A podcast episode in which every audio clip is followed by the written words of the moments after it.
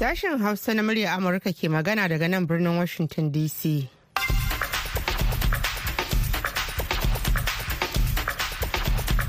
Masu sauraro Assalamu alaikum barkanmu da asuba da fatan an waye gari lafiya. Sunana Hauwa Sharif tare nake da sarfi hashin gumal da sauran abokan aiki. Muke farin cikin kasancewa da ku a yau asubahin talata 28 ga watan Nuwamba shekarar 2023. Kafin ku ji abubuwan da muke tafa da su gasar fili da kanun labarai. Jiya litinin gwamnatin ƙasar qatar ta sanar da cewa isra'ila da hamas sun cimma matsaya kan tsawaita tsagaita wuta a zirin gaza na tsawon kwanaki biyu. Majalisar mulkin soja ta jamhuriyar nijar ta soke dokar daƙile gudun hijira da taimaka wajen rage kurare 'yan afirka ta yamma zuwa turai. Daga nan za a cewa shugabannin ƙasashen duniya na shirin haɗuwa a dubai domin halarta taron kolin sauyin yanayi na majalisar ɗinkin duniya na cap 28 kanin labaran kenan a cikin shirin na yanzu za ku ji cewa wasu ƙungiyoyin sa kai da matasan yankin naja delta sun fi da matsayarsu a kan takaicinsu dangane da batun tattalin arziki da tsaro da maharkokin shari'a a najeriya The economy of the country is in a very sorry state. Yana cewa ne ba mu gamsu ba ko kaɗan dangane da yadda gwamnatin tarayyar Najeriya ke tafiyar da batun tattalin arziki. Haka kuma idan shirin ya shiga kamaru za ku je da wata ƙungiya da ta daɗe tana gudanar da ayyukan ci gaban al'umma plan international ta ƙara yunkurowa a ƙasar domin ci gaba da ayyukan tallafawa rayuwar al'umma musamman ma yara mata. Sai a biyo mu a cikin shirin domin jin ƙarin bayani akan waɗannan da ma sauran rahotanni da ke tafi a cikin shirin. Kamar kowace ranar talata yau ma muna tafi da shirin tsaka mai wuya tare da aliyu mustapha sokoto inda a cikin shirin na yau za ku ji soman taɓi. Akan yadda kace na ce ke ƙara ƙaimi tsakanin manyan hamshakan 'yan kasuwa na kano a najeriya masu kamfanonin buwa da dangote da ƙarashin tattaunawa nan tsakanin manyan lauyoyi barista abubakar kurawa da awal abdulkadir al-burundi. Don haka sai a kasance da mu amma fa duk sai bayan an gyara zama an sha kashin farko na labaran duniya. jama'a salamu alaikum. Da fatan an wayi gari lafiya. Ga labaran duniya.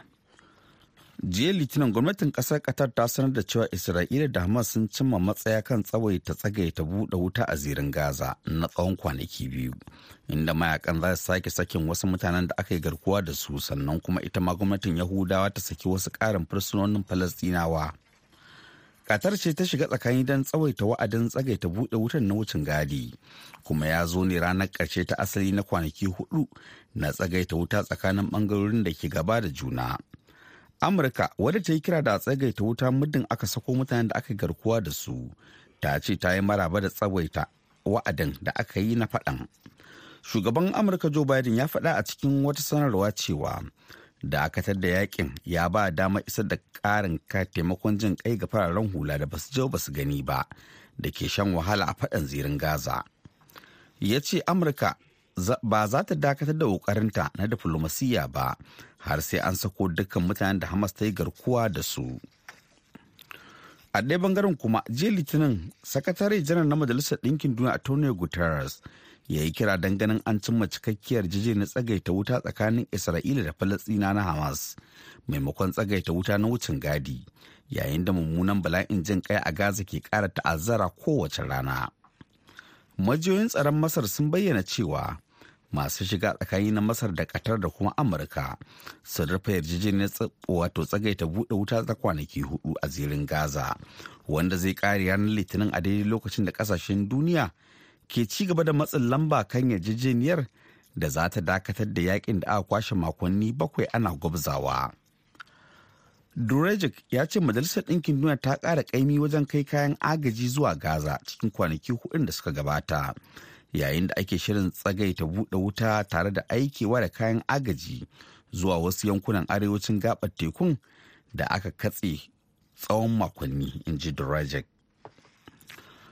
Majalisar Ɗinkin Duniya ta wato Majalisar Mulkin Soja ta Jamhuriyar Nijar ta soke dokar daƙile gudun hijira da ta taimaka wajen rage kuraren 'yan Afirka ta yamma zuwa Turai.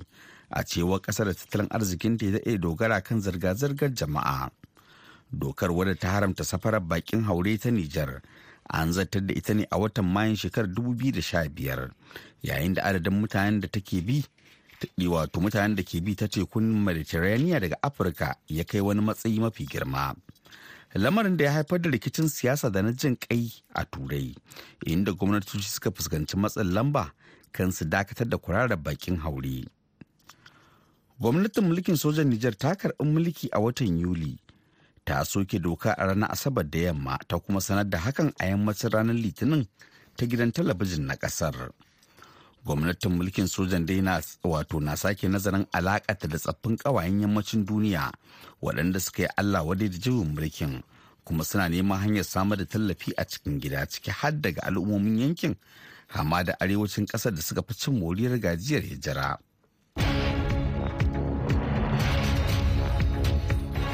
To madalla an jima kaɗan sarfili zai sake shigowa da ci gaban labaran duniya. Yamma yanzu bari mu ranka ya zuwa birnin Fatakwal a Najeriya. Inda wasu ƙungiyoyin sa kai da matasan yankin Naja Delta suka fi da wata matsaya game da takaicinsu akan halin da tattalin arziki da tsaro da ma harkokin shari'a ke ciki a Najeriya. Daga Fatakwal ɗin ga Abubakar Lami da Sokoto da cikakken rahoto. Kungiyoyin sa kai da kuma matasa daban-daban a yankin Niger Delta mai arzikin mai mai jihohi shidda sun gudanar da wani babban taro a birnin Fatakwal inda suka fitar da matsayarsu kan tattalin arzikin Najeriya da kuma batun tsaro da ma yadda shari'a ke gudana a ƙasar yayin taron dai na matasa wanda wani Mr. Odoki Austin ya wakilta ya gabatar da jawabinsa kamar haka. The economy of the country is in a very sorry state. Yana cewa ne ba mu gamsu ba ko kaɗan dangane da yadda gwamnatin tarayyar najeriya ke tafiyar da batun tattalin arziki tare da cewar jama'a da dama ba su san inda aka dosa ba kuma suna da hakkin sanin inda aka kwana a ƙasar. Haka kuma matsalar tsaron na ci gaba da addabar 'yan najeriya. Idan ka duba kuma uwa uba wani ma al'amari da ke zaman muzanci ga najeriya musamman a idon duniya shine yadda shari'a ta zama abin da ta zama a ƙasar ta Najeriya misali kuma akwai hukunce-hukunce da dama da aka yanke musamman irin su jihar Zamfara da jihar Filato da kuma jihar Kano.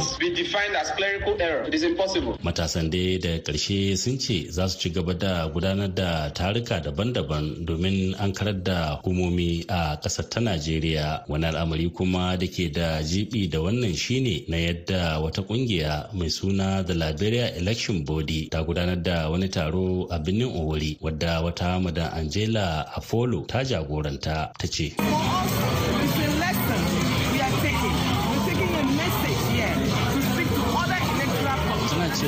Zaɓen da ya gudana a ƙasar liberia abin yabawa ne kuma mun gamsu da yadda zaɓen ya gudana. Kuma wannan wata 'yan manuniya ce ga ƙasashen afirka musamman irin su najeriya waɗanda zaɓuɓɓuka a ƙasar ya zama kamar yaƙi ko kuma ko a mutu ko a yi rai. Masu sharhi akan harkokin yau da kullun na ci gaba da tsokaci dangane da wannan dambarwa. Dr abdulkadir suleiman muhammad na jami'ar abuja mai sharhi ne akan harkokin yau da kullum. Gwamnatin da take ci da kuma take ta ƙoƙari misali take samun wato fifiko a kan jihohi baki ɗaya har ma wasu gani cewa an fuskanci komawa jam'iyya ɗaya a Najeriya to idan ba su tabbatar wa da 'yan Najeriya waɗannan abubuwa guda biyu ba tsaro da tattalin arziki to in ba a yi hankali ba za a wayi gari mulkin da kowa yake ganin sa ko kuma yake cikin sa yake jin daɗi zai iya surunta. Shi al'amarin shari'a kamar yadda Bahaushe yakan ce mace ce mai ciki wanda ba a san abin da za ta haifa. Don haka shari'a takan kasance abu wasu ya musu daɗi sakamakon wasu ma bai musu daɗi. Har kullum duk wanda bai masa daɗi ba shi ne za ka ji ya fito yana ta korafi wanda kuma sai masa daɗi za ka ga shi ya fito yana murna. To amma dai akwai abun tsoro matuka yanayin yanda shari'o'in suke zuwa saɓanin hankali ga wasu. Kowace jiha da aka ƙwace zaɓen su za ka tarar cewa mutanen garin fa mutumin da su yake kai shi suka zaba. To idan ya kasance an samu akasin haka su suna gani kamar shari'a ta musu ƙwace ne. To amma kuma ita shari'a yadda take kallon abubuwa sabanin yadda su ko kuma in ce mutum wanda bai san shari'a ba yake gani. Lamido abubakar sakkwato muryar amurka daga fatakwal a najeriya. An gaida abubakar lamido sokoto da wannan rahoto. Masu sauraro ana tare ne da sashen hausa na murya amurka a birnin washington dc yanzu ga sarfili da ci gaban labaran duniya. Wata babban mai shigar da kara a kotun hukunta manyan laifuka ta ƙasa da ƙasa icc a ranar litinin ta sanar da cewa ta yi watsi da duk wani bincike da ake yi kan laifukan da aka aikata a kenya da suka shafi tashin hankalin da ya barke bayan zaɓukan ƙasar a shekarar 2007 matakin da mataimakiyar babban mai shigar da kara na kotun icc nazhat shamin khan ta yanke ya kawo ƙarshen wani labarin shari'a na tsawon shekaru goma sha uku da ya shafi manyan 'yan siyasar ƙasar kenya. A shekarar ta da goma kotun da ke hague ta fara gudanar da bincike kan faɗan da ya biyo bayan zaɓen da aka yi a ƙasar da ke gabashin afirka inda masu gabatar da ƙara suka ce mutane uku ne suka mutu yayin da wasu shida suka rasa gidajensu. da farko dai mutane shida da ake tuhuma sun fuskanci tuhuma kan laifukan cin zarafin bil'adama da suka hada da kisan kai da kora waɗanda ake zargi dai sun hada da shugaban ƙasar kenya na yanzu william ruto da magabancinsa uhuru kenyatta iyalan rosalind carter sun fara kwanaki uku na tuna da tsohuwar uwar gidan shugaban ƙasa kuma sananniyar ma'aikaciyar jin kai ta duniya wacce ta mutu ranar 19 ga watan nuwamba tana da shekaru 96 cibiyar kata ta tabbatar da cewa tsohon shugaban ƙasar jimmy carter yana shirin halartar wani taro a majami'a na tuna da roslyn a yau talata a talanta abokiyar zamansa ta fiye da shekaru 70 an sanya gawar roslyn carter da safiyar litinin a yankin somta na jihar georgia. Bayan wani takaitaccen biki a wurin ayarin motocin iyalin sun fara tafiya zuwa atalanta za a binne rosalind carter a can ɗakin karatu na shugaban ƙasa na jimmy carter. An shirya jana'iza biyu a yau talata a atalanta da kuma ranar laraba a garin sukata na plains. Daga ƙarshe yayin da shugabannin ƙasashen duniya za su hallara a birnin dubai daga ranar alhamis domin halarta taron kolin sauyin yanayi na majalisar ɗinkin duniya na cap 28 shugabannin ƙasashe biyu masu ƙarfin tattalin arziki na duniya ba za su halarci taron ba. Shugaban ƙasar amurka joe biden takwaransa na ƙasar china shi jinping a halin yanzu ba su da wani shiri na halartar taron na tsawon makonni biyu. Wanda ke da nufin dakatar da gwamnatocin ƙasashen duniya bayan yarjejeniyar sauyin yanayi ta majalisar ɗinkin duniya da kuma manufar takaita ɗumamar yanayi zuwa ma'aunin celsius ɗaya da kuma manufar yarjejeniyar paris ta shekarar dubu biyu da goma sha biyar. A gaida Sarfilu Hashin Gumal da ya karanto labaran duniya daga nan sashen Hausa na murya Amurka a birnin Washington DC.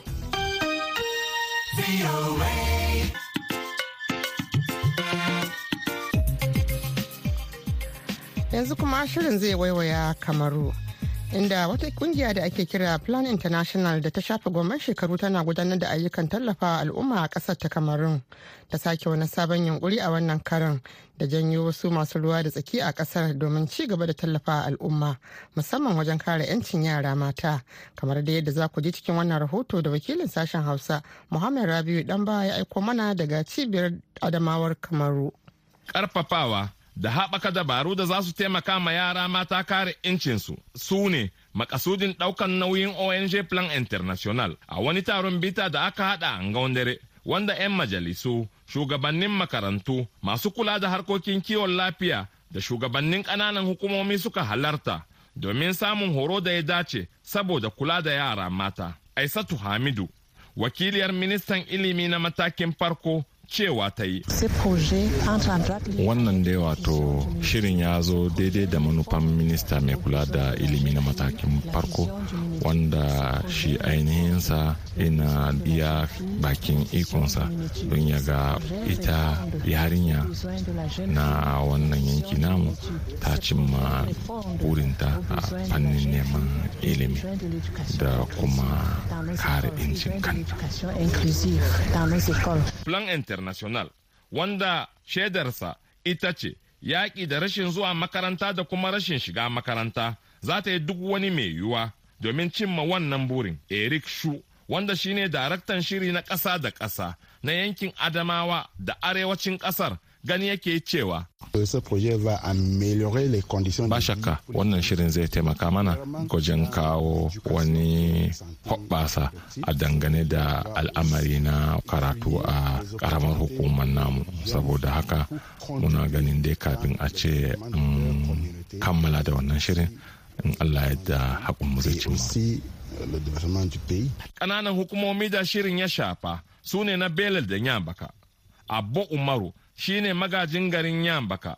Yana mai cewa ni dai a gani na wannan shiri zai taimaka ma yaran mata na ƙananan hukumomin bela da yambaka tofa albarkacin bakinsu su ma a game da wato al'amari na cigaba. Manufar plan international ita ce inganta yanayin rayuwar yara matasa. Masu rauni da kuma iyalinsu ƙungiyoyi masu zaman kansu na shiga cikin tsarin ƙa'idojin da aka kafa a cikin yarjejeniyoyin duniya. Plan International wata ƙungiya ce mai zaman kanta wacce ke aiki ga duniya mai adalci mai burin kare hakkin yara da kuma daidaiton jinsi. Muhammadu Rabiu Ɗanba, muryar Amurka daga nan ga cibiyar Adamawan Kamaru. To madalla an gaida Muhammad Rabiu dan ba da wannan rahoto masu sauraro kada dai a shagala ana sauraron shirin ne daga nan birnin Washington DC akan mitoci 1625 da kuma 31. A jamhuriyar Nijar za a iya sauraron mu a tashar mata VOA Africa akan mita 200.5. Baya ga haka duk da aka sha'awa za a iya zuwa shafukanmu na intanet a voahausa.com ko kuma sashen hausa.com yanzu kuma ga shirinmu na gaba. Tsaka mai wuya.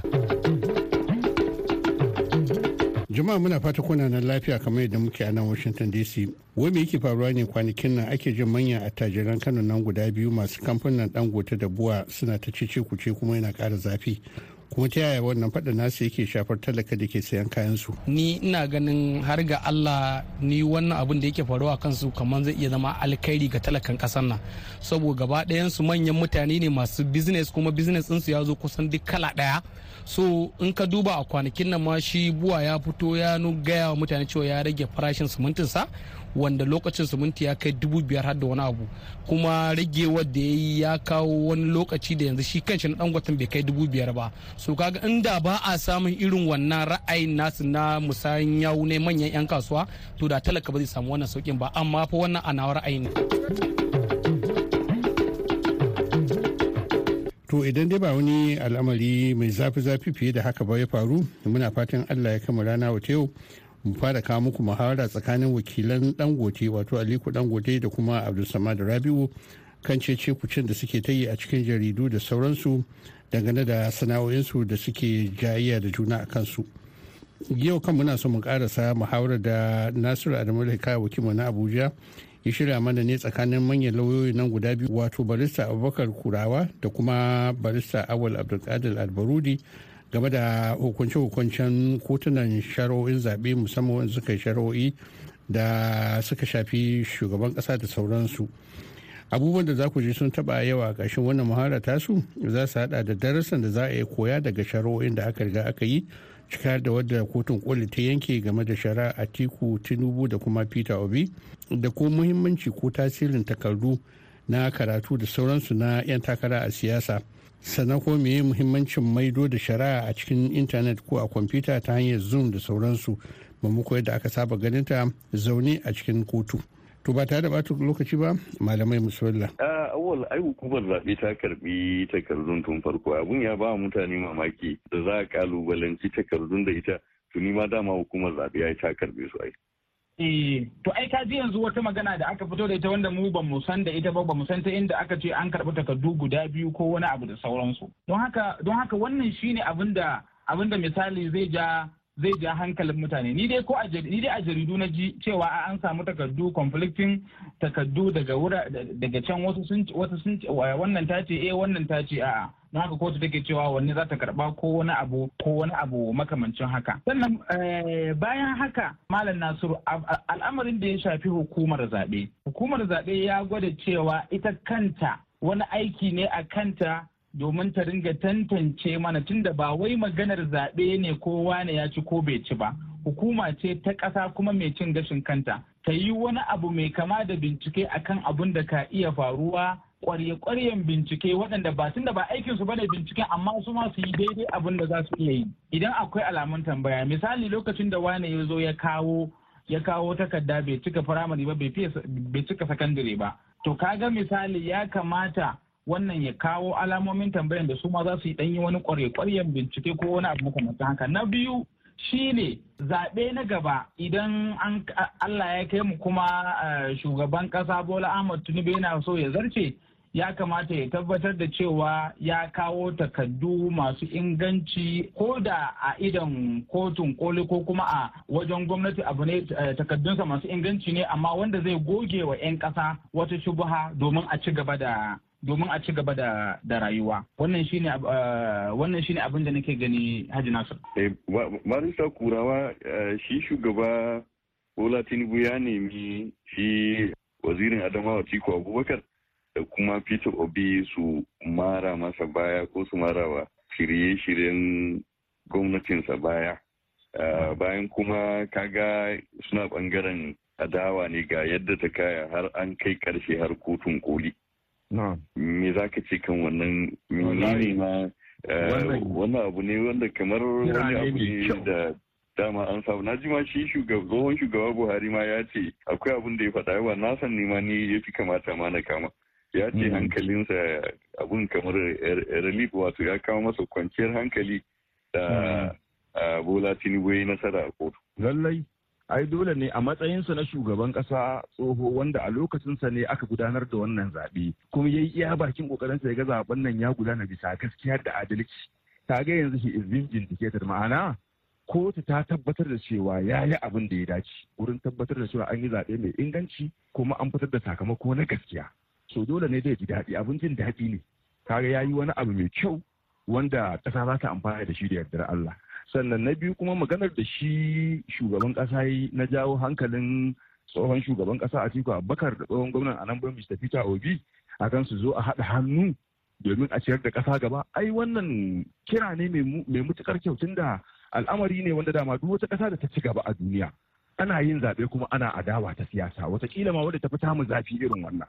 Amma da zarar an gama zaɓe an kai gaci an kai nasara to za ka samu cewa ana ƙoƙari ne a haɗa kai domin a samu nasara.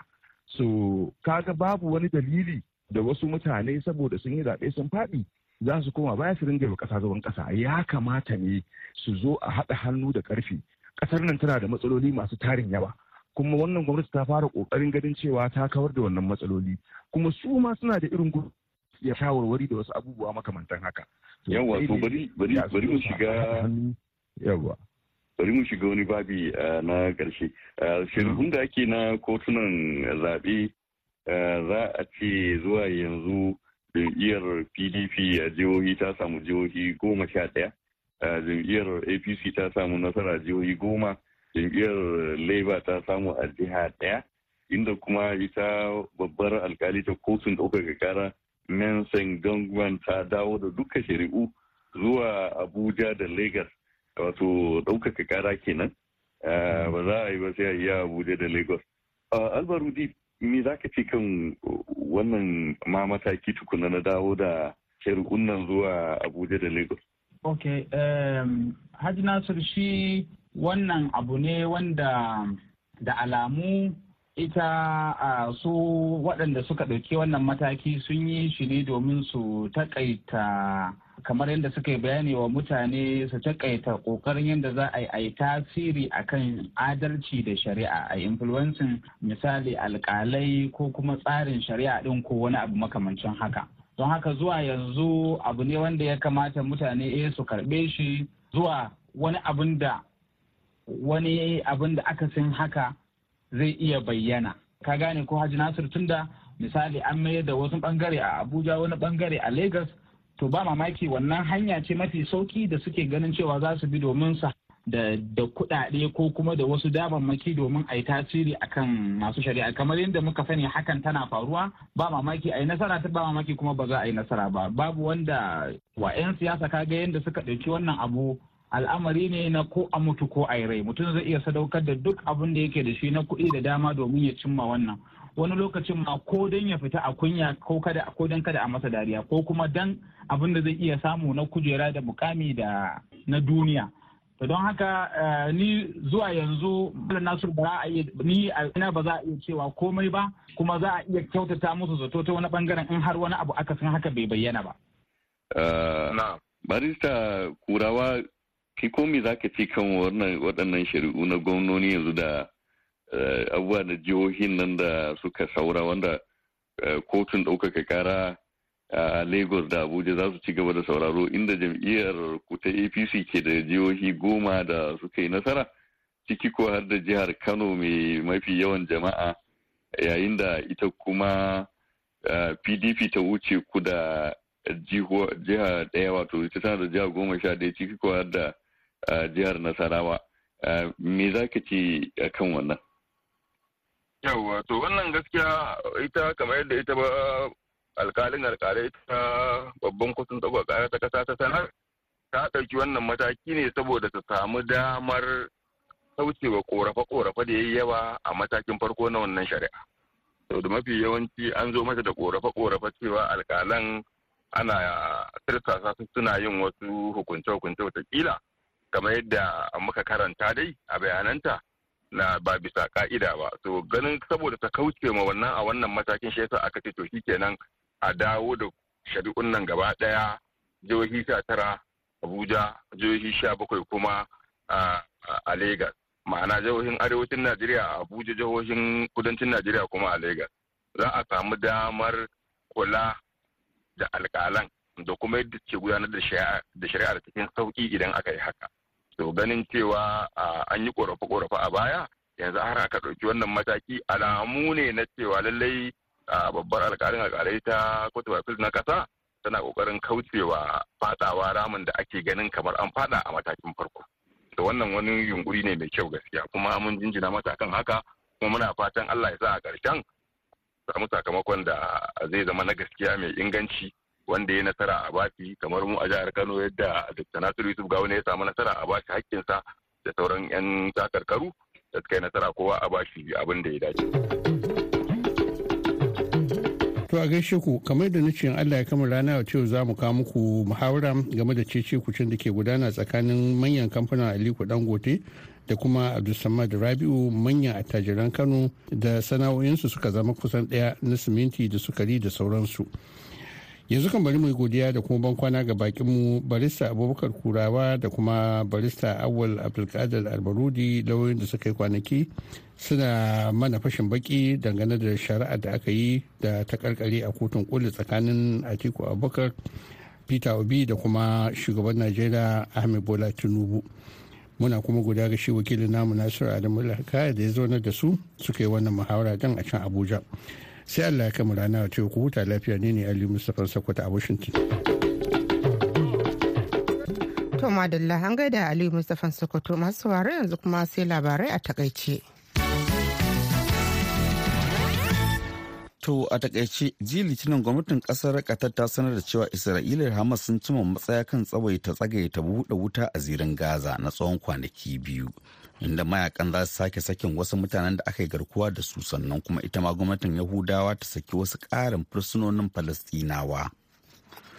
A ɗaya ɓangaren kuma jiya litinin sakatare janar na Majalisar Ɗinkin Duniya Antonio Guterres ya yi kira don ganin an cimma cikakkiyar na tsagaita wuta tsakanin Isra'ila da Falasɗina na Hamas maimakon tsagaita wuta na wucin gadi yayin da mummunan bala'in jin kai a Gaza ke ƙara ta'azzara a kowace rana.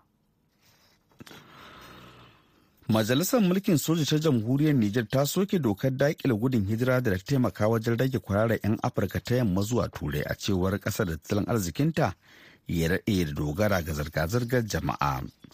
Dokar wadda ta haramta safarar bakin haure ta Nijar an zartar da ita ne a watan Mayun shekarar 2015. Wato yayin da adadin mutanen da ke bi ta teku mai daga Afirka ya kai wani mataki mafi girma. To masu sauraron mu baki ɗaya abin da ya sauka kenan a cikin shirin namu na wannan lokaci. Sai kuma an jima da misalin ƙarfe 8 agogon Najeriya Nijar kamar da Chadi wato bakwai kenan agogon GMT da Ghana. za ku wato za mu sake dawa da wani sabon shirin idan Allah ya kai mu. Kada a manta duk lokacin da ake so za a iya zuwa shafukanmu na voahausa.com ko kuma sashen hausa.com domin sake sauraron wannan shirin da masu rawan shirye-shiryen da suka gabata. Yanzu a madadin sarfila hashin gumar laitiya na gabatar da shirin sai daɗi balawe da ya ba da umarni da injiniyan mu namu na yanzu Mr. Kelvin Hawa Sharif ke muku sallama daga nan Washington DC sai an ku.